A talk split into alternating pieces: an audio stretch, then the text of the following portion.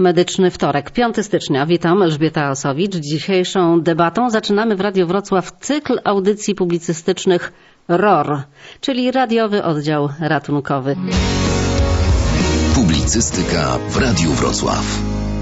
Co tydzień we wtorkowe wieczory będziemy rozmawiali o tym, co nas boli. Ze specjalistami będziemy szukali diagnozy i recepty na uzdrowienie sytuacji.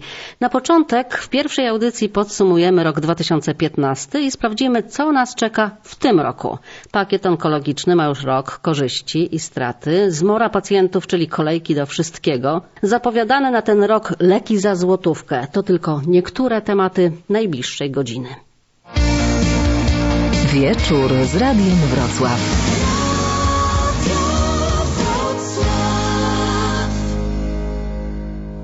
A w studiu goście Maciej Biarcki, lekarz, menadżer ochrony zdrowia, publicysta, obecnie prezes zarządu Milickiego Centrum Medycznego. Dobry wieczór. Dobry wieczór. Jacek Krajewski, lekarz rodzinny, prezes Porozumienia Zielonogórskiego. To ta organizacja, która skupia prawie połowę dolnośląskich praktyk lekarzy POZ. Dobry wieczór. Dobry wieczór. Jest z nami także szefowa dolnośląskiego oddziału NFZ, Wioletta Niemiec. Chociaż panowie jej nie widzą, ale proszę wierzyć, ona jest e, z nami duchem i głosem. Także będzie na pewno zabierała głos w naszej audycji. Na początek może zróbmy taki mały ranking hitów i kitów tamtego 2015 roku. Ja mam swoje propozycje i tak, co takiego w inwestycjach wydarzyło się na Dolnym Śląsku, co warto byłoby pochwalić? Panie Macieju. No na pewno uruchomienie dwóch nowych szpitali we Wrocławiu, czyli nowy szpital wojewódzki na Stabłowicach oraz uruchomienie kliniki państwa chybijskiej Przylądka Nadziei. Przylądek Nadziei to też moja propozycja numer jeden. Dlaczego bardziej stawiam na przylądek? Dlatego, że to wydawało się absolutnie niemożliwe. Zbudowanie tego ośrodka graniczyło z cudem. No i taki cud się zdarzył. A pan, panie Jacku? Zgadzam się, że to są inwestycje, które zwracają uwagę, ale są też i takie mniejsze, które też są bardzo istotne. Uruchomienie PETA w Dolnośląskim Centrum Onkologii. Pacjenci będą mieli na miejscu bardzo ważne diagnostyczne narzędzie. Nie będą jeździć po Wrocławiu szukać tej diagnostyki. Wydaje się, że to też e, długo trwało, zanim to mm, się stało, ale mamy. Ale PET stoi od dawna na Borowskiej, więc e, czy rzeczywiście potrzebne są dwa PETy we Wrocławiu? Jeżeli mamy onkologię cały kampus w jednym miejscu, a na PET trzeba jeździć na Borowską, no to chyba jeżeli chodzi o logistykę, to jest bardzo sensowne. To nasze typy na inwestycje, najlepsze ubiegłego roku.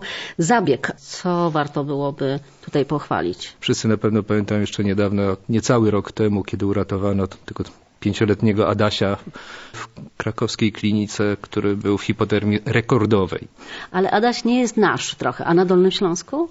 Aż wstyd przyznać, ale żaden wielki zabieg taki, który by poszedł w Polskę, nie wbił mi się w głowę, aczkolwiek mógłbym wymienić kilka zabiegów bardzo ciekawych, które się odbywały w moim szpitalu, które uważam, że też były wspaniałe.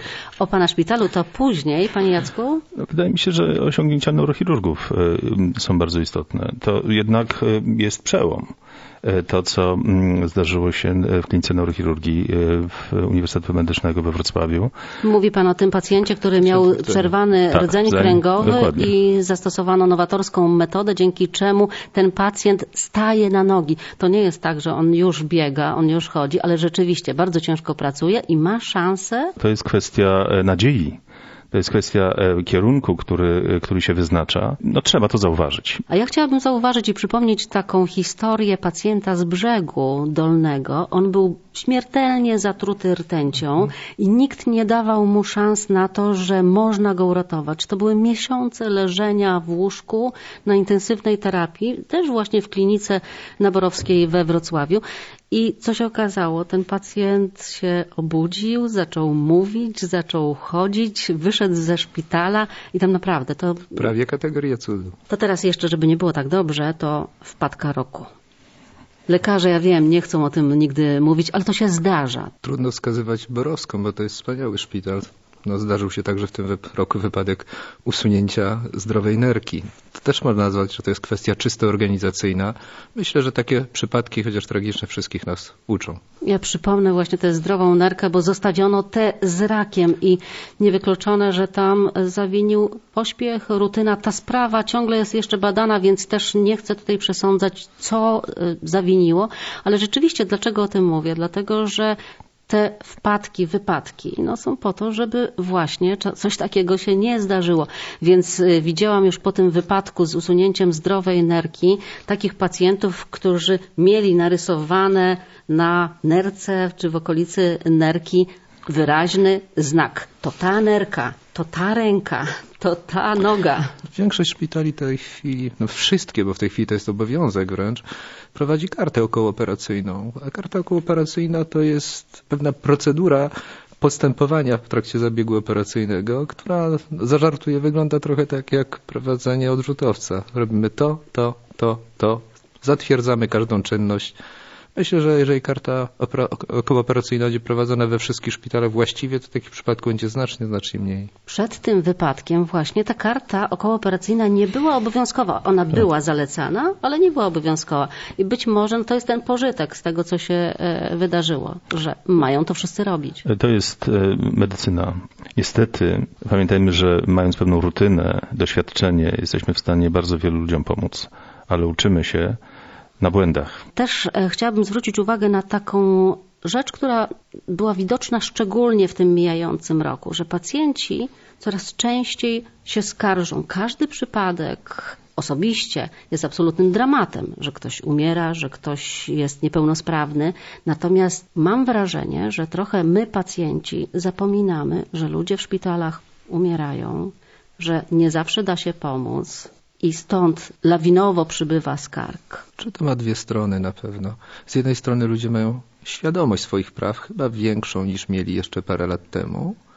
I to jest korzystne, ale powstały specjalne centra prawne, które wręcz docierają do pacjentów, często gęsto budząc w nich nadzieję. Natomiast wiele roszczeń no, kończy się niekorzystnie dla pacjenta i pan tak ponosi podwójną szkodę. Gdzieś poniósł szkodę zdrowotną, może związaną nawet naszym działaniem. Ale z drugiej strony słyszy, że może z tego uzyskać rekompensatę finansową, słyszy z, z całą pewnością obietnicę bardzo wysokiej rekompensaty. I to nie jest tak, że akurat szpitale nie chcą tego płacić. Ale były takie przypadki, że szpitale proponowały złotówkę za śmierć po to tylko, żeby odwlec, żeby przedłużyć tę procedurę. To też się zgadza, to jest związane trochę ze zdarzeniami medycznymi.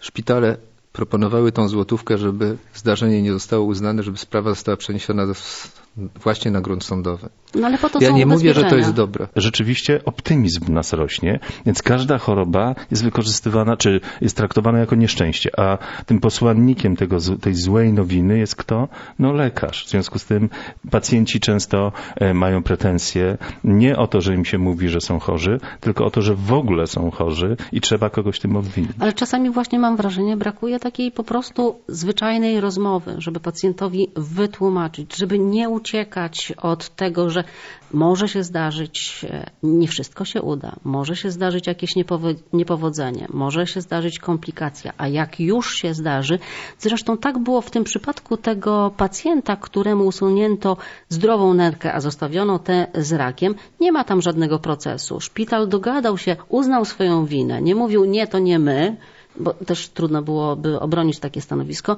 ale dogadał się z pacjentem, że sam wypłaci mu jakąś rekompensatę, a poza tym będzie o niego dbał przez następne miesiące i lata, żeby on wrócił do zdrowia. No i niepotrzebny był do tego sąd. Także może kwestia pokora. rozmowy. Pokora jest też tutaj bardzo ważna. Nasza pokora wobec pacjenta, bo przecież nie jesteśmy nieomylni, chociaż pacjenci przejmują takie przekonanie, że im się nic nie może zdarzyć. Oni są przekonani, że jakość, którą dostaną, będzie jakością doskonałą, że nie ma prawa być czegoś takiego, że pójdzie do szpitala na zabieg pacjent, na przykład w ostrym stanie, a więc nie ma jak co czekać, trzeba od razu operować i zdarzy się nieszczęście, że no, będzie żółtaczka wszczepienna na przykład w czasie pobytu na To się zdarza i to trzeba włączyć w ryzyko zadawania się, że tak powiem, z ochroną zdrowia, z opieką zdrowotną. Natomiast y, niestety w mediach, e, z tym szacunkiem oczywiście dla mediów i wśród decydentów panuje przekonanie, że lekarz nie ma prawa się pomylić i pacjenci są także przekonani co do tego, że my jesteśmy nieomylni. Niestety jesteśmy omylni. Ja myślę, że trzeba Jeszcze- rozgraniczyć dwie rzeczy. Jedna to jest to, że powikłania mogą się zdarzyć, a druga to jest taka rzecz, że doszło do ewidentnego zaniedbania. Mieliśmy taką sytuację w Wołowie na przykład, gdzie pacjent przyszedł i próbował dobić się do szpitala, walił tam w drzwi, a personel był zamknięty, nie wpuścił go do środka. On umarł przed szpitalem i to jest ewidentne zaniedbanie. Bardzo dobrze, że pani sama rozgraniczyła te dwie rzeczy. Bo to, co jest naszym ewidentnym zaniedbaniem, co się może zdarzyć, z czym powinniśmy walczyć, to jest jedna strona. Z drugiej strony mamy coś, co tak brutalnie nazywa statystyką, o czym przed chwilą mówił pan doktor Krajewski. Każde schorzenie, leczenie każdego schorzenia jest obarczone statystycznym ryzykiem powikłań. W jednym przypadku są to niskie, w drugim przypadku bywają nadwysokie pro- procenty tych powikłań. Ale właśnie mamy problem w tym, że wszyscy są przekonani, że tych powikłań nie będzie. No muszę tutaj zrobić przytyk osobie nieobecnej, czyli byłemu ministrowi, panu Orłukowiczowi, który przez trzy lata tak naprawdę w każdej sytuacji kryzysowej, która wynikała z pewnych problemów organizacyjnych systemu, braku ludzi, braku sfinansowania właściwego systemu, to także są czynniki, które mogą no, niestety pogarszać efekty leczenia. Nigdy nie było mówione, że to jest związane z tym, że na przykład jest zbyt mało ambulansów, żeby przewieźć, ponieważ system nie pozwala ich tyle utrzymać. Za każdym razem był podnoszony czynnik ludzki. Czyli ktoś gdzieś zawalił, Lekarz. ktoś, czytaj lekarz. No i to taką atmosferę poniekąd tego, że jeżeli coś się dzieje nie tak, to znaczy jest personalnie winny wykonujący, no, taką atmosferę niestety stworzyło niepotrzebnie. Publicystyka w Radiu Wrocław. Macie nowego ministra zdrowia, Konstanty Radziwiłł. Jak to oceniacie, ten wybór? Bardzo dobrze. Oczywiście. Nasz kolega, e, lekarz, były na rzeczy. prezes e, Izby Lekarskiej, wiele lat w systemie, w różnych e, konfiguracjach ministerialnych przecież, e, ale także i przy różnych systemach, bo przecież jeszcze sprzed 99 roku, po 90, kiedy były kasy chorych, kiedy, był, kiedy w ogóle nie było żadnego systemu w Polsce, albo można by było nazwać, że taki siemaszkowski, e, potem kasy chorych, e, teraz Narodowy Fundusz Zdrowia, e, w tym wszystkim cały czas był osobą, która była liderem środowiska. W związku z tym trudno sobie wyobrazić osobę, która lepiej, czy e, lepiej by e, znała cała, całą problematykę. A ja nie mam wątpliwości co do tego, że pan minister Radziwiłł będzie dbał o lekarzy, natomiast mało w jego wypowiedziach ja słyszę takiej dbałości o, czy w wypowiedzi przynajmniej, o pacjentów. Oj, wydaje mi się, że to jest nadi- nadinterpretacja z pani strony. Takie Pozwolę sobie żartować. Każdy lekarz dba o pacjentów, więc jeżeli pan minister jest lekarzem, a jest lekarzem, to choćby z tego powodu będzie dbał. Natomiast e, wszystkie jego wypowiedzi w tej chwili, które z jego ust padają, mówią na przykład o humanizacji służby zdrowia. O pewnym odejściu od takiego modelu ekonomicznego służby zdrowia. No, przepraszam, to raczej skierowane w stronę pacjentów.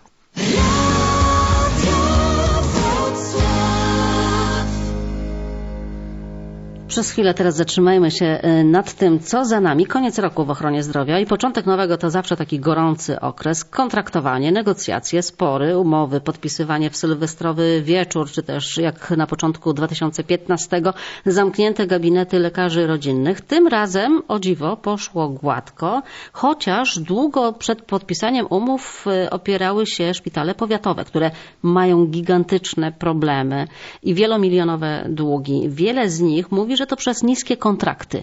Zdaniem szefowej dolnośląskiego NFZ-u Violetty Niemiec to nie jest problem pieniędzy. Potrzebna jest zmiana filozofii. Niestety, większość starostów y, obawia się takich decyzji, bo y, który starosta, jak jakieś usłyszałam przy takiej rozmowie, który ze starostów zdecyduje się na likwidację szpitala powiatowego? Jest to niemedialne, tak? Natomiast ja uważam, że problem jest inny. Trzeba tym pacjentom wytłumaczyć. W waszej opiece nic się nie zmieni. Ba, podniesiemy jej jakość. Bo zamiast mam ściągać tutaj jednego lekarza, będziecie mieć zapewnione to we Wrocławiu, a tu na miejscu będzie przychodnia, tutaj będzie rehabilitacja, tu będzie opieka długoterminowa, będziecie mogli bliskich odwiedzać. Więc jak gdyby wyjście do tych ludzi i powiedzenie im, na czym będzie polegało, uważam, że będzie łagodziło napięcia społeczne. Tylko potrzebne są odważne decyzje. Żeby na przykład łączyć szpitale powiatowe między sobą. Jeżeli jest oddział, na którym rodzi się 200 dzieci, a obok jest oddział, który rodzi 400 dzieci, to zmieńmy to. Niech będzie jeden oddział na dwa powiaty, gdzie się będzie rodziło 600 dzieci. Tam będzie większe doświadczenie położnych, lekarzy, a przenieśmy na przykład internet do tego szpitala. I takie pomysły też były, żeby e, Trzebnica, Milicz, żeby te szpitale razem w ramach współpracy wymieniły się oddziałami, jeżeli tak to mogę określić, tak? I znowu potrzebne jest nie straszenie pacjentów, zamknę wam szpital w powiecie, tylko powiedzenie, dlaczego chcę to zrobić. Ale ja mam wrażenie, że brakuje właśnie takiej koordynacji i planowania, że teraz jest tak, że każdy sobie otwiera to, co sobie wymyśli, a wy jako NFZ jeżeli spełnia warunki, to to realizujecie. Każdy chce mieć wszystko. I te usługi się powielają, sprzęty się powielają i te pieniądze idą para w gwizdek. No temu mają służyć mapy potrzeb zdrowotnych, tak? Czyli spojrzenie z góry na, na województwo i powiedzenie ile, czego i gdzie nam brakuje. Kto ma się tym zajmować? To przygotowują wojewodowie. Dlatego to przesunięte było to kontraktowanie do 2016 roku po to, żeby przygotować te mapy. Natomiast póki nie ma tych map, to potrzebna jest współpraca organów założycielskich. Tak? Jeżeli one nie konkurują ze sobą, to taka możliwość jest. Natomiast faktycznie jest tak, że jeżeli ktoś kupi super sprzęt, zatrudni personel, a z tym jest największy problem, i zarejestruje swoją jednostkę w Urzędzie Wojewódzkim, to nie tyle ma gwarancję finansowania ze strony płatnika, co może stanąć do postępowania konkursowego i to jest istotne. Nie ma możliwości płatnik ograniczenia komuś udziału w konkursie. A później jest rywalizacja ceną, później, jest, później są narzekania, że za mało pieniędzy płatnik dał, albo jak Państwo przychodzicie nas na początku roku, pytacie, a czemu ten albo tamten nie dostał kontraktu? To jest kwestia nadpodaży, tak? czyli za dużo mamy doświadczeń. I faktycznie przydałoby się takie spojrzenie z lotu ptaka. O spojrzeniu z lotu ptaka mówiła szefowa Dolnośląskiego NFZ-u w studiu Maciej Biarski, szef szpitala właśnie powiatowego. Pana zdaniem szpitale powiatowe przetrwają w tej formie, w jakiej są teraz, bo mają gigantyczne kłopoty. Ha, czy przetrwają? No to spójrzmy na rok 2015. Zamknięcie praktycznie szpitali należących do PCZ-u, czyli w Środzie Śląskiej i Górze. One bardzo ograniczyły działalność i jeszcze no, nie dobrze, są śladowo mają, śladowo mają działalność. Olbrzymie problemy szpitala w Strzelinie na wiosnę. połowie roku, pod drugiej połowie roku Oleśnica, w tej chwili wszyscy wiedzą Trzebnica. Chyba ten rok dla szpitali powiatowych najlepszy nie był. Nie chcę polemizować z panią dyrektor, którą znam, lubię. Ale Natomiast wygląda, nie jest takim prostym rozwiązaniem to, co proponuje pani dyrektor, typu zamykanie oddziałów, wymiana oddziałów. Są cztery podstawowe oddziały, którymi praktycznie dysponują szpitale powiatowe. Moim zdaniem, moim skromnym zdaniem, te oddziały należą się w każdym powiecie. W każdym wysoko rozwiniętym kraju istnieją małe szpitale kierowane do lokalnej społeczności. Wysyłanie kobiety rodzącej 60 kilometrów dalej, bo akurat w tym szpitalu żeśmy zamknęli oddział położniczy, to chyba nie jest kwestia jakiegoś naszego rozwoju cywilizacyjnego. Ale w Trzebnicy Natomiast... jest porodówka, a w Miliczu też musi być? No to jest ponad 30 kilometrów. Zresztą porodówka w Miliczu to jest 500 porodów, nie 200, więc chyba się nie nadaje do zamknięcia. E, natomiast e, do czego chcę, co, co chcę zauważyć? W ciągu ostatnich pięciu lat zmieniały się kontrakty różnym szpitalom. E, konsorcjum Dolnośląskich Szpitali Powiatowych pozwoliło sobie porównać, jak one rosły. No, można powiedzieć, kontrakty szpitali powiatowych były zamrożone, szpitali wojewódzkich rosły, najbardziej rosły szpitali resortowych. Też sobie pozwolę zażartować. Ale podpisaliście przecież, przecież te kontrakty. Także... Za chwileczkę. Przecież Wielki Szpital Kliniczny we Wrocławiu tak naprawdę jest olbrzymim szpitalem rejonowym dla 600 tysięcznego Wrocławia była przeprowadzana tak zwana analiza produktowa oddziałów zabiegowych, z której miało teoretycznie wynikać, że szpitale powiatowe nic nie robią. No niestety, okazało się, że szpitale powiatowe mają więcej tak zwanych dużych zabiegów procentowo niż szpital kliniczny. Jednak będę się opierać przy tym, że te najbardziej skomplikowane przypadki Zgadza są się. E, realizowane w dużych centrach. Zgadza się, ale powiedzmy, że wykonuje się 200 bardzo, bardzo skomplikowanych przypadków w grupie 10 tysięcy. Także oczywiście przy całym szpita- szacunku dla szpitali klinicznych. My cały czas mieliśmy przez ostatnie lata taką filozofię, że finansowaliśmy procedury najbardziej wysokospecjalistyczne. To było jakby obiektem zainteresowania wszystkich. Mam nadzieję, że minister Radziwiłł, co deklaruje, będzie chciał troszeczkę zmienić sposób alokacji środków.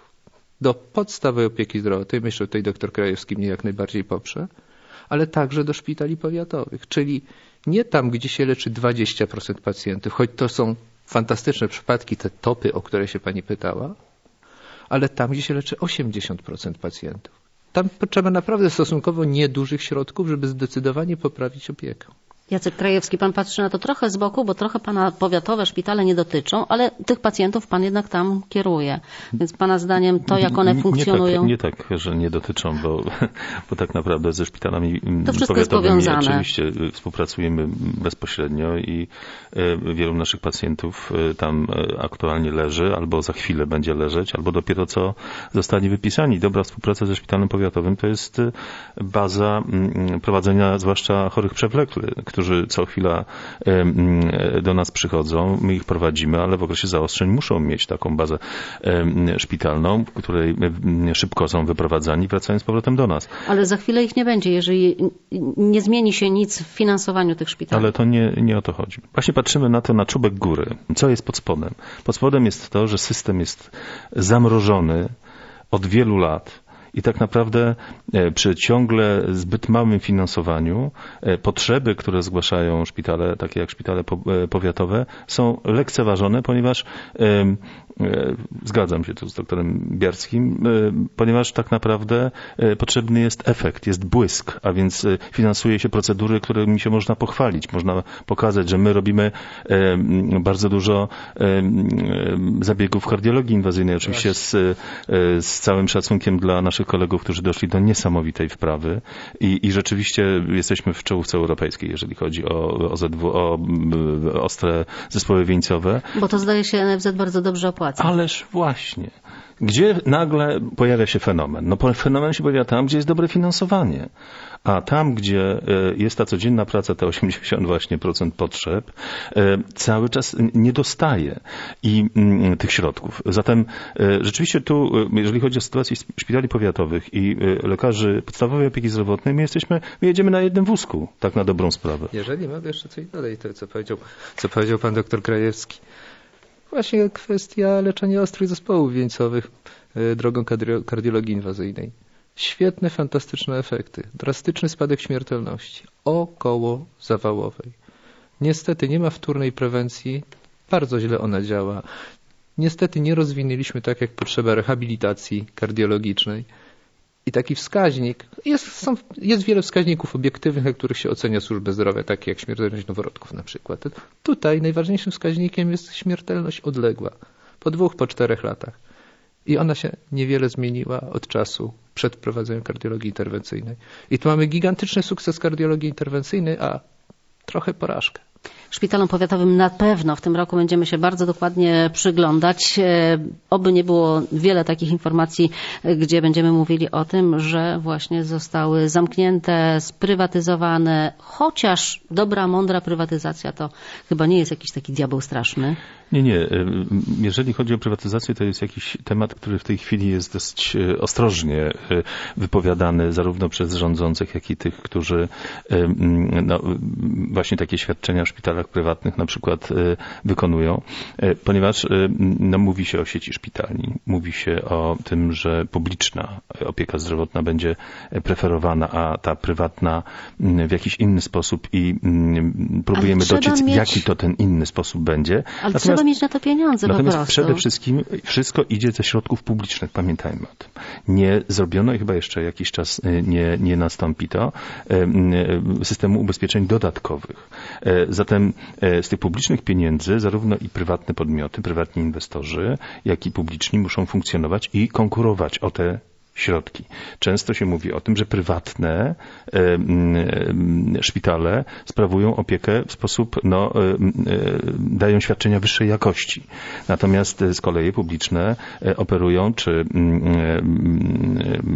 udzielają świadczeń u pacjentów w bardziej skomplikowanych przypadkach, czyli ale to są, są trudniejsze przypadki. Tak, ale też są takie zwykłe przypadki jak interna, starsi ludzie, którzy wymagają ogromnej opieki, natomiast to nie przynosi wielkich e, zysków i nikt ich nie chce. Nie, ale my mówimy o tym, że jeżeli mówimy o szpitalu powiatowym i mówimy o podstawowej opiece zdrowotnej i o trendach, które idą do nas z Europy, czy deinstytucjonalizacji, czyli tego, tego, aby pacjent jak najrzadziej był w szpitalu, a jeżeli to krótko, a całkowicie był przejęty przez POZ, po to, żeby na przykład jeżeli mówimy o, mm, mm, o prowadzeniu przypadków e, chorób przewlekłych czy o seniorach, to na POZ spada tu cała odpowiedzialność, ale nie mamy wsparcia systemowego. Już za chwilę właśnie o POZ-ach. Wieczór z Radiem Wrocław.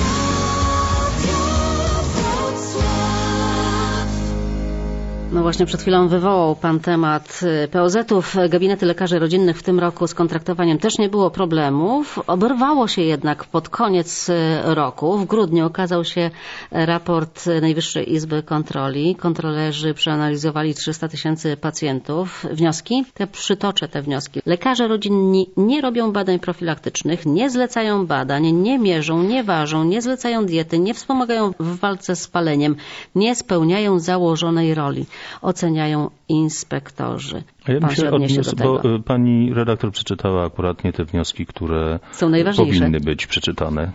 Mianowicie tam jest przede wszystkim delegacja do y, ministra zdrowia, żeby umożliwić robić właśnie to, o czym pani w tej chwili przeczytała.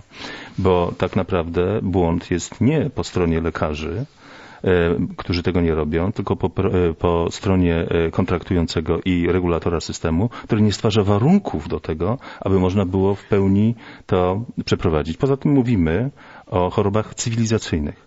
Nie mówimy, to też o tym e, wielokrotnie w mediach e, nie mówiono, ani nie pisano, że my profilaktykę prowadzimy, jeżeli chodzi o bilanse, o patronarze, o e, opiekę nad dziećmi i młodzieżą. Natomiast tu konkretnie zajęto się chorobami cywilizacyjnymi, cukrzycą, chorobami kardiologicznymi, zapobieganiem tym chorobom, mierzeniem obwodów brzucha i tak dalej. W sytuacji, kiedy w POZ lekarz przyjmuje średnio 50-60 osób dziennie, kiedy mm, e, na profilaktykę przeznacza się niewielkie środki, kiedy głównie preferuje się medycynę naprawczą i w tej chwili działanie powinno iść w takim kierunku systemowe i tu są właśnie e, zniku te wymienione e, przez panią błędy, które robią lekarze, to jest skutek Nikt to wymienia jako skutek pewnych zaniechań organizacyjnych, systemowych, których od wielu lat nie przeprowadzono w naszym systemie. Ale w praktyce pacjenci skarżą się właśnie na to, że... Że ktoś im nie mierzy wody brzucha, na to się skarżą? Ja nie mam takiego wrażenia. Jeszcze mi się żaden nie poskarżył, a ich przyjmuję naprawdę bardzo wielu. E, to nie jest e, clue sprawy. Clue sprawy jest to, że pracujemy w warunkach, e, które urągają tak naprawdę normalnemu przyjmowaniu pacjenta, poświęceniu mu odpowiedniej ilości co to, czasu co i daniu mu odpowiedniej. Urąganie polega na tym, że mamy zbyt wielu pacjentów na jednego lekarza. Ale tam NFZ nie mówi, że musicie mieć 5 tysięcy pacjentów, możecie mieć 2,5 tysiąca. Nie możemy. Nie ma nas tyle. Musi pani wiedzieć, pani redaktor, że jak w 2000 roku OECD zrobiło raport i było 22 lekarzy na 10 tysięcy mieszkańców w Polsce, tak w 2015 jest dokładnie to samo. Nie ma lekarzy A i nie chcą średnia- pracować w A POZ. średnia dla OECD 40. Tak jest. W Europie. Zatem to jest problem. E, Kadry, e, zarówno lekarskie, jak i pielęgniarskie, problem e, lekarzy pracujących w POZ, wielu lekarzy, e, jeżeli chodzi o motywację, wolą wybierać e, e, kierunki, e, które no, dają większą satysfakcję zawodową, a także większy prestiż i podobne finansowanie, na przykład specjalistyczne, niż w POZ, gdzie się trzeba naprawdę bardzo mocno napracować. A to nie jest trochę pułapka taka właśnie, że lekarz e, rodzinny ma, czym więcej ma pacjentów, tym więcej dostanie pieniędzy z NFZ-u. to prawda. nie jest taka pokusa, żeby żeby mieć tych pacjentów coraz więcej, natomiast wtedy ten czas się kurczy w sposób Ale naturalny. pani redaktor zmierza cały czas do tego samego, że my jesteśmy w, y, ci, co to są tacy pazerni i tylko z tego powodu właśnie jest całe powiedział. zło, jest całe zło, które tutaj w tym raporcie zostało pokazane. To nie jest prawda. My nie mamy wyjścia, bo jeżeli mamy praktykę i próbujemy znaleźć kogoś do tej praktyki, to nie ma na rynku lekarzy, którzy by chcieli pracować w podstawowej opiece zdrowotnej. Więc mając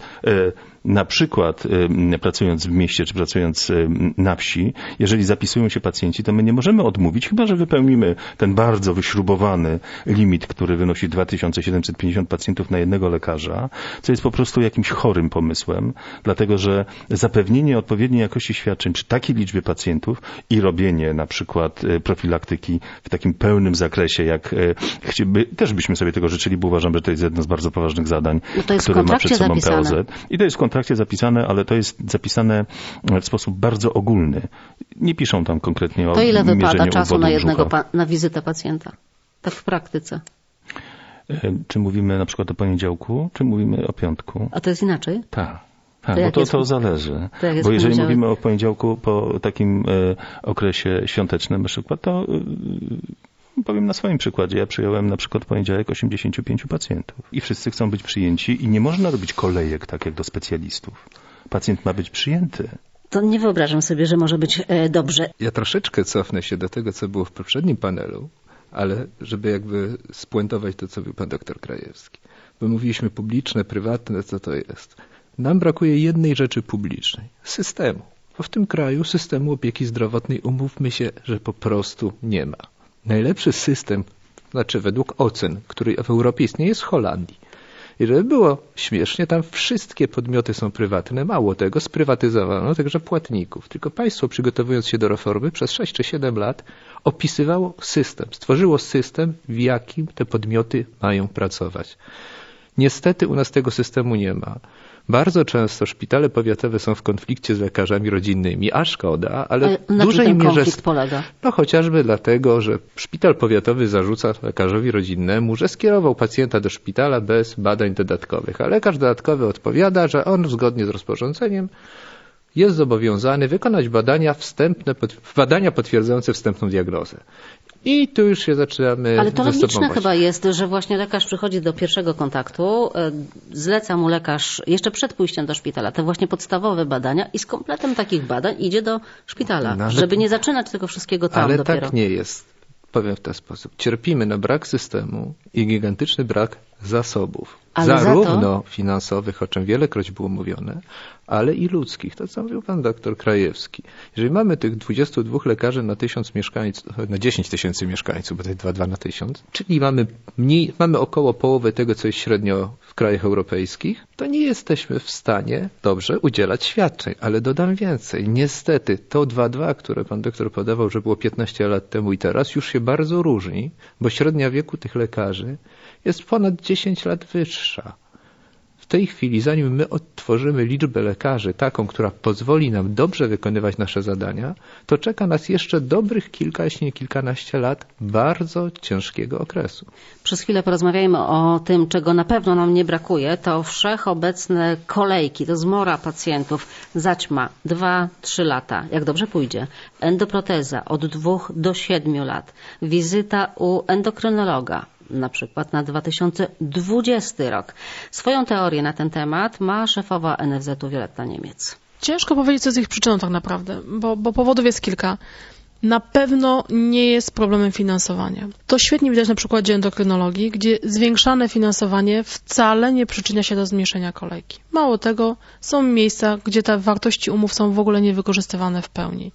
Bardziej przy endokrynologach problemem jest pozyskanie lekarzy, którzy by chcieli w ramach płatnika publicznego świadczyć te usługi. Endoprotezy? Przy endoprotezach mm, to już jest inna sprawa, tak? bo są jednostki, gdzie cieszą się dużą renomą. E, Lekarze mają tam naprawdę świetne osiągi, pacjenci sobie z ust do ust przekazują, że tam świetnie robią i na przykład jest miejsce, gdzie się czeka 7 lat na endoprotezę. Tą samą endoprotezę w innym miejscu można robić w ciągu dwóch lat. Więc kwestia gdyby też sprawdzenia i, i ustawienia się w kolejkę tam, gdzie ona jest krótsza. Ale są też takie przypadki przy zaćmach, gdzie przychodzi y, już czas oczekiwania pacjenta, czeka 2-3 lata na, na zabieg i okazuje się, że nie ma względów medycznych do przeprowadzenia zabiegu lub jest anotacja, że na prośbę pacjenta zostaje przypisany na koniec kolejki. Zdarzają się takie przypadki, mamy takie informacje, że pacjenci są na wszelki wypadek zapisywani w kolejkę. Więc jakby problem uporządkowania kolejki to jest to, od czego trzeba byłoby zacząć. Rehabilitacja jeszcze to jest zmora wszystkich, którzy potrzebują tej rehabilitacji już, a mówi im się, że proszę przyjść za pół roku albo za rok. Kolejki faktycznie są długie, ale mówimy tu o rehabilitacji ambulatoryjnej, tak? czyli takiej, gdzie nie jest to konsekwencja zabiegu operacyjnego, którego, który przeszłam na przykład, czy poważnego uszczerbku na zdrowiu, tylko kwestia ambulatoryjna. Tam niestety, to trzeba stwierdzić, jest wielu rezydentów, czyli osoby, które non-stop korzystają z tego zabiegu. To jest też kwestia łatwości wypisywania z zlecenia. Tak, pacjent przychodzi, mówi, że się potrzebuje, bo go tu boli, tam go strzyka, doktor wypisuje skierowanie, nawet pisze na tym CITO. Natomiast ten, który przyjmuje, w ogóle nie widzi takiej potrzeby, żeby to było pilnie przyjęty pacjent. A ten, który faktycznie by potrzebował pomocy, na przykład po świeżym złamaniu, musi czekać pół roku.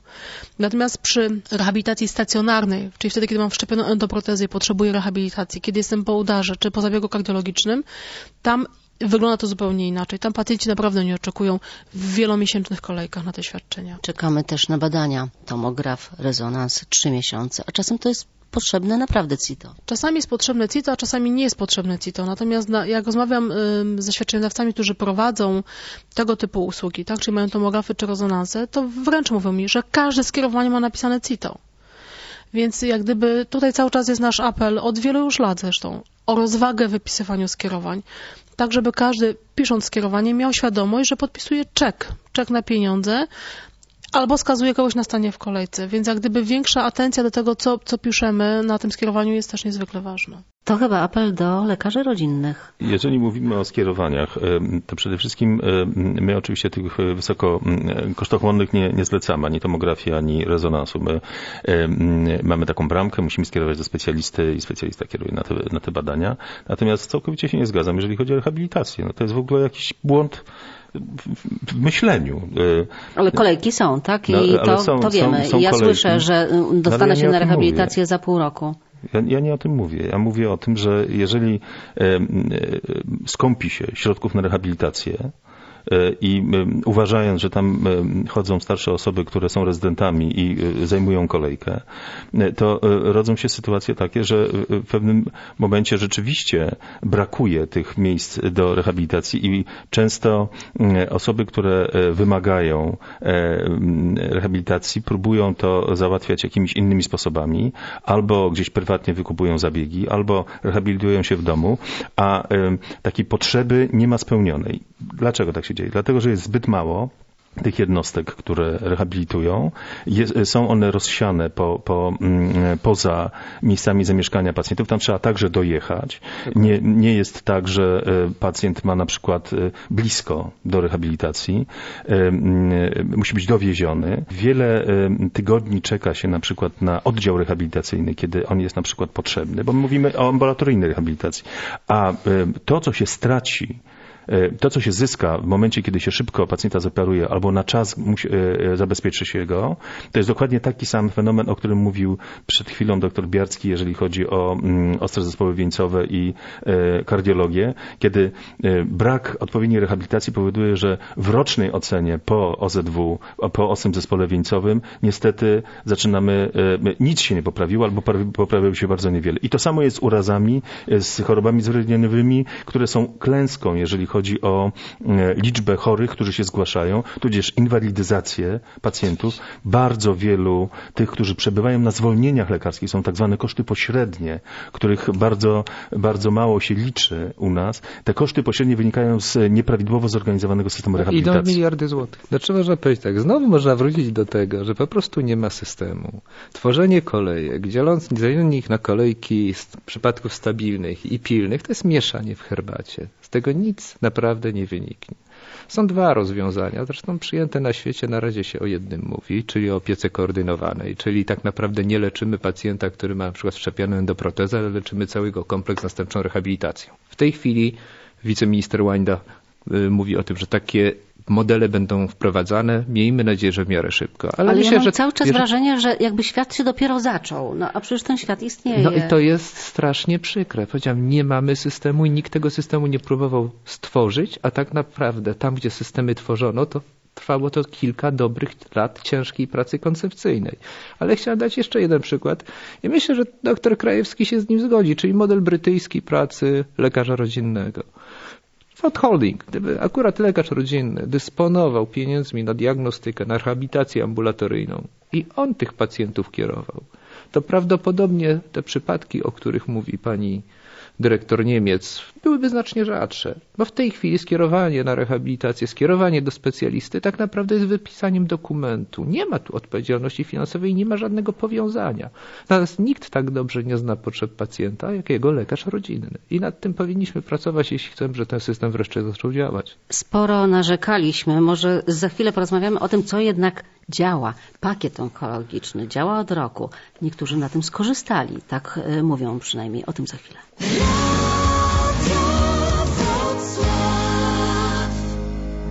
Pamiętam rok temu, jak wchodził w życie pakiet onkologiczny, no to był lament ogromny, że szpitale padną, że przychodnie padną, że pacjenci nic na tym nie zyskają. No ale tutaj minął e, rok, no i pakiet działa. Niektórzy nawet go chwalą. My generalnie nie lubimy nowości, więc to, że wprowadziliśmy coś nowego, w oczywisty sposób musiało budzić emocje. Natomiast no, z powodu pakietu żaden szpital na pewno nie padł, nie ma takiej e, możliwości. Co pakiet zmienił dla pacjentów? Na pewno dał im poczucie takiego bezpieczeństwa i pewności, że nie będzie się czekało na badanie 5 miesięcy czy 7 miesięcy. Pacjent, który ma kartę leczenia onkologicznego, wie, że właściwie wszystkie drzwi są dla niego otwarte. Bardzo sobie chwalą pacjenci koordynatorów medycznych, czyli te osoby, które od początku prowadzą ich przez ten system, tak? Czyli mówią, tu będzie miał pan badanie o tej godzinie, o tamtej, proszę się z tym zgłosić z wynikiem do tego lekarza czy do innego. Mają poczucie, że nie są zupełnie sami w tym pakiecie.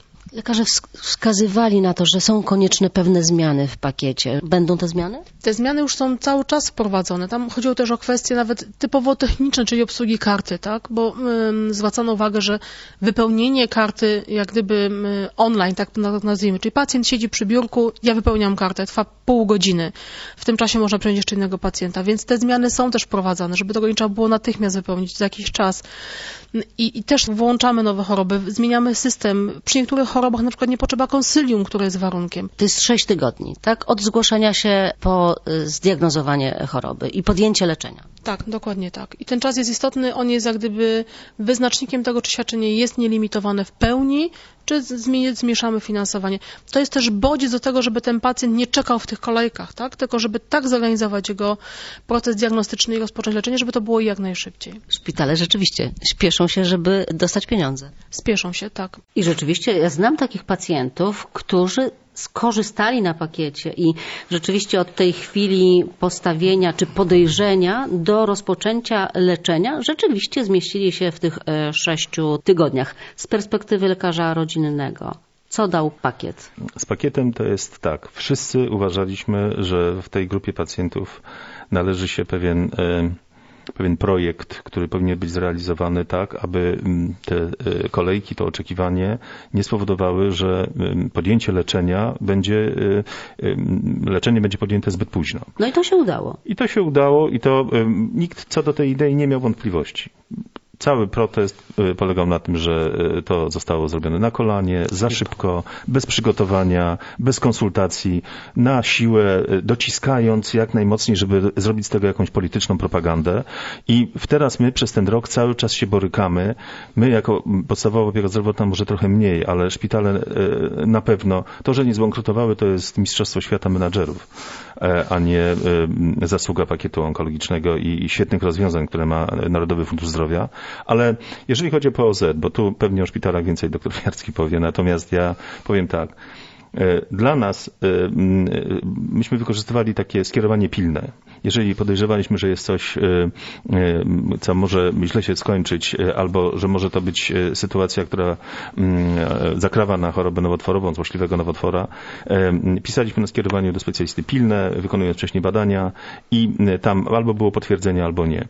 I to spełniało w jakimś stopniu tą rolę. Natomiast DILO, karta DILO jest teraz usankcjonowanie właściwie tej drogi i poza tym, że oczywiście jest robiona znowu chałupniczo, bo trzeba najpierw wejść, e, poczekać, aż się zalogujemy, po czym wpisać m, e, w internecie wszystko, co się da, potem wydrukować i wpisać ręcznie jeszcze to, co nie można.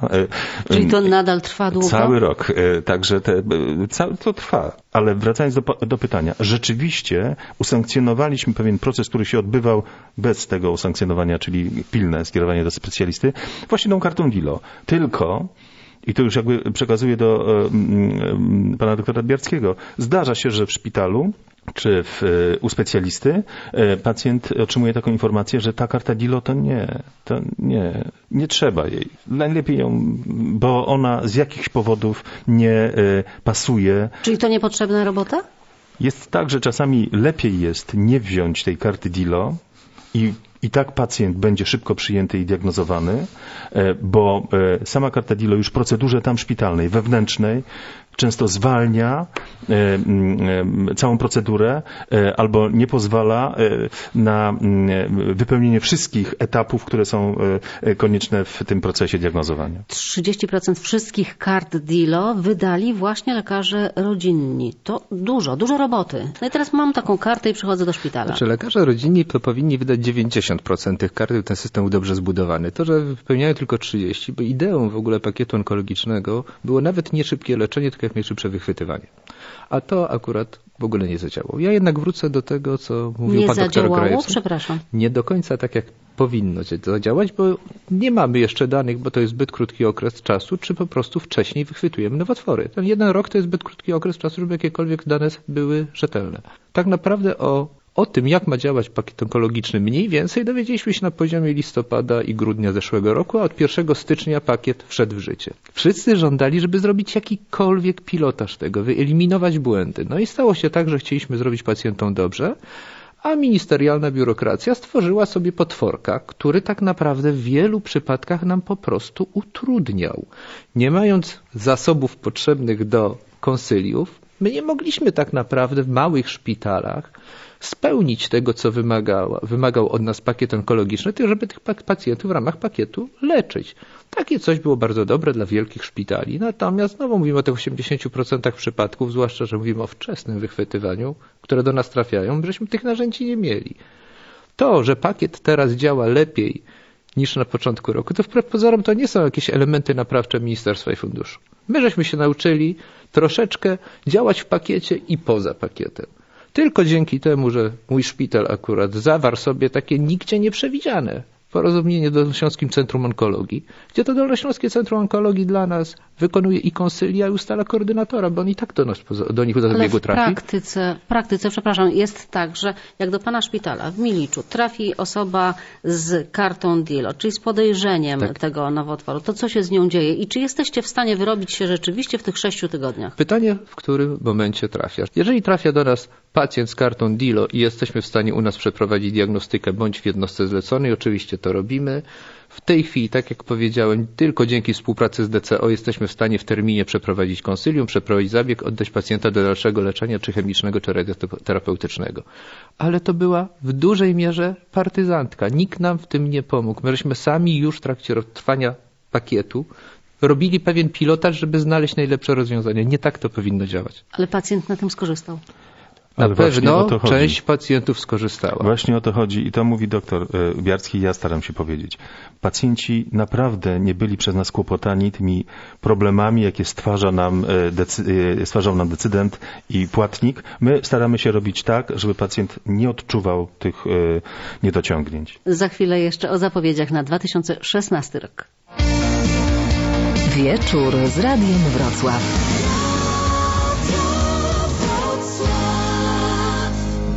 To już właściwie tak e, na koniec kilka zapowiedzi, które pojawiają się na 2016 rok. Ewuś do kosza? Czyli elektroniczny system ewidencji całkowicie, pacjentów. Całkowicie nie. No przecież EWUS został stworzony między innymi po to, żeby rozróżnić tych pacjentów, którzy są uprawnieni do świadczeń lub nieuprawnieni. Nawet jeżeli chcemy wypisać receptę, bo przecież przy procesie e, receptowym, ja przypomnę genezę, EWUS powstał dlatego, że w czasie protestu receptowego myśmy mówili, że e, 10% pacjentów w Polsce może być nieubezpieczonych, a będą mieli wypisywane recepty. Jeżeli pacjent, pacjent nie jest w, e, w odpowiednim czasie, e, nie ma możliwości potwierdzenia tego ubezpieczenia, to e, koszty takiego postępowania spadają na nas, czyli my generalnie tracimy, bo pacjent wtedy jest zdejmowany z naszej listy, mimo że jest ubezpieczony. Ale właśnie szefowa NFZ mówi, że pali się na czerwono. W tej sytuacji to nie jest problem dla pacjenta, bo ja patrzę z perspektywy pacjenta. Składa oświadczenie, że jednak jest ubezpieczony. Jeśli okaże się, że to oświadczenie nie jest prawdziwe, wtedy NFZ ściąga już te e, należności. I w tej chwili komornicy tylko, to ruszyli teoria- już. To jest tylko teoria. Pacjent, jak się dowiaduje, że jest czerwony, przeżywa y, duży stres. Przecież my na co dzień mamy z takimi pacjentami do czynienia. Oni są traktowani jako no, ludzie gorszego sortu. Nagle się dowiaduje, że nie może się tutaj leczyć, bo więc wypełnia to oświadczenie, coś tam pod nosem y, m, mrucząc i próbuje udowodnić, że no, nie jest wielbłądem. Ale może rzeczywiście czasem on jest naprawdę nieubezpieczony już. Był ubezpieczony jeszcze pół roku temu, a teraz nie. Kiedyś użyłem takiego określenia, że EWUŚ to jest bardzo dobry system informatyczny, który został zaimplementowany na fatalną bazę danych. Czyli centralny wykaz ubezpieczonych, w którym nie wszystkie dane, nie w każdym momencie są rzeczywiste. Kwestia w- wpisania czy wykreślenia przez ZUS czy przez Urząd Pracy, tam są czasami jeden, dwa dni, a potem się pojawia sytuacja, kiedy fundusz po dwóch latach zwraca się do nas y, o dostarczenie dowodu ubezpieczenia pacjenta, który jeden dzień w szpitalu gdzieś z uwagi na bazę był wykazany jako ten świecący się na czerwono. Na pewno jest to system, którego nie powinno się całkowicie zarzucać, ale jego jednoznaczność i znowu jego zbiurokratyzowanie jest, no, jest po prostu bzdurą. Ja Jeszcze dodam jeden przykład, panie doktorze. Przecież dzieci do lat 18 muszą przez rodziców być zgłoszone do ubezpieczenia. A jeśli nie zostaną zgłoszone, to co? W Konstytucji jest napisane, że im się należy darmowa opieka zdrowotna. No pojawiają się takie głosy właśnie, że każdy, kto ma PESEL i polskie obywatelstwo powinien mieć prawo do leczenia Tak, ale w tej... podstawowej opiece zdrowotnej. podstawowej ale opiece to zdrowotnej. tylko dlatego, że my, zgadzam się tu z doktorem mm, Biarskim, że powinien być poprawiony ten system. My całkowicie odejść od weryfikacji ubezpieczenia nie możemy, natomiast e, muszą być e, takie mechanizmy wyrobione, żeby z tego powodu e, koszty, e, które mm, ponosi system, nie były przerzucane na świadczeniodawcę. A tak to w tej chwili jest. Na razie EWUŚ zostaje. Lista leków refundowanych. Każdy rok zawsze zaskakuje pacjentów tym, że są jakieś nowości. Zresztą ta lista zmienia się w trakcie roku też, ale już słychać, że nowy rok to o wiele droższe leki dla pacjentów po przeszczepach. O kilkaset y, złotych mają być y, droższe. Tam podniósł się alarm. Ministerstwo Zdrowia uspokaja, że są generyki, które y, są takie same, chociaż trochę inne, ale i, i, i są tanie. Ale to jest niekończąca się melodia. Ile to? Półtora roku temu mieliśmy słynny, Dokładnie. sływaną awanturę z Gliwekiem.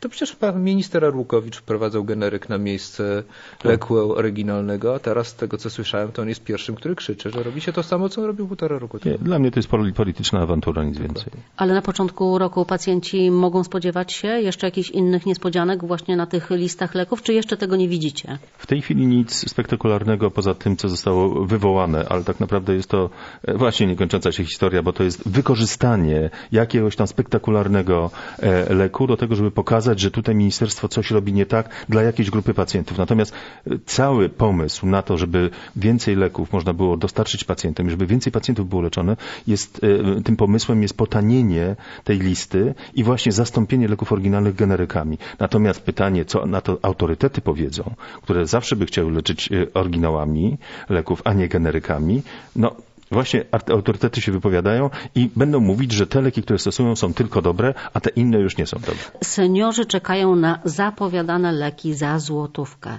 Jest szansa, że one pojawią się Znaczy- zaraz? Ja powiem w ten sposób. Zacznijmy od tego, że w większości krajów europejskich dla osób powyżej pewnego wieku rzeczywiście leki są darmowe wręcz. Dla większości ludzi leki są płatne jeśli chodzi o seder fundacji, do pewnej określonej kwoty, także my tutaj nic nie odkrywamy. Pytanie tylko, czy mamy na to pieniądze. To jest pierwsze Bo w pytanie. kampanii mówiono, że właśnie leki za złotówkę będą dla seniorów. Teraz pojawiają się już modyfikacje i uzupełnienia, że owszem dla seniorów, a, ale po 75 roku życia, a gdzieś przeczytałam, że średnia wieku życia e, Polaków to jest 75,8. No dobrze, ale jak dojdziemy do wieku 75 lat, ci ludzie jeszcze żyją najczęściej dobrych parę lat, bo to jest mówię średnia. Jeżeli Średnia ktoś do tego wieku dożył, to 75,8. żyje potem znacznie dłużej. Ta grupa, zwłaszcza w momencie, kiedy się społeczeństwo starzeje, nam ciągle rośnie i rosnąć będzie. Mówię jeszcze raz, pytanie, w jaki sposób ta lista zostanie skrojona? Jakie będzie obejmowała leki? Kto będzie mógł wypisywać? Kiedy Czyli to się wszystkie może? te warunki. No teoretycznie z tego, co mówi minister Radziwiłł, to ma zaistnieć od 1 kwietnia. A pacjenci- Diabeł będzie tkwił w szczegółach. To A jest- pacjenci, jest- przepraszam, pytają już o to? Tak, pytanie, które, które zadają, to jest to, czy już mają pisać te leki, które zwykle piszą, czy poczekamy już na te darmowe. Ale mm, oczywiście mm, trzeba, e, nie mają złudzeń, że to nie będą wszystkie leki, które biorą do tej pory. E, Ja wiem, że około 500 milionów jest przeznaczone na ten, e, na ten rok na mm, właśnie te leki.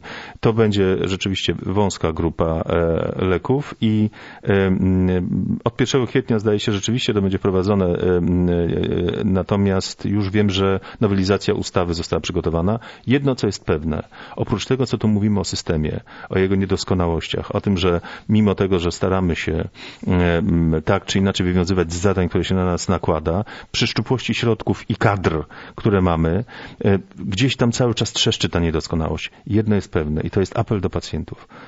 Pacjenci, dbajcie o swoje zdrowie. To jest dobry apel, nie chorujmy, proszę Państwa.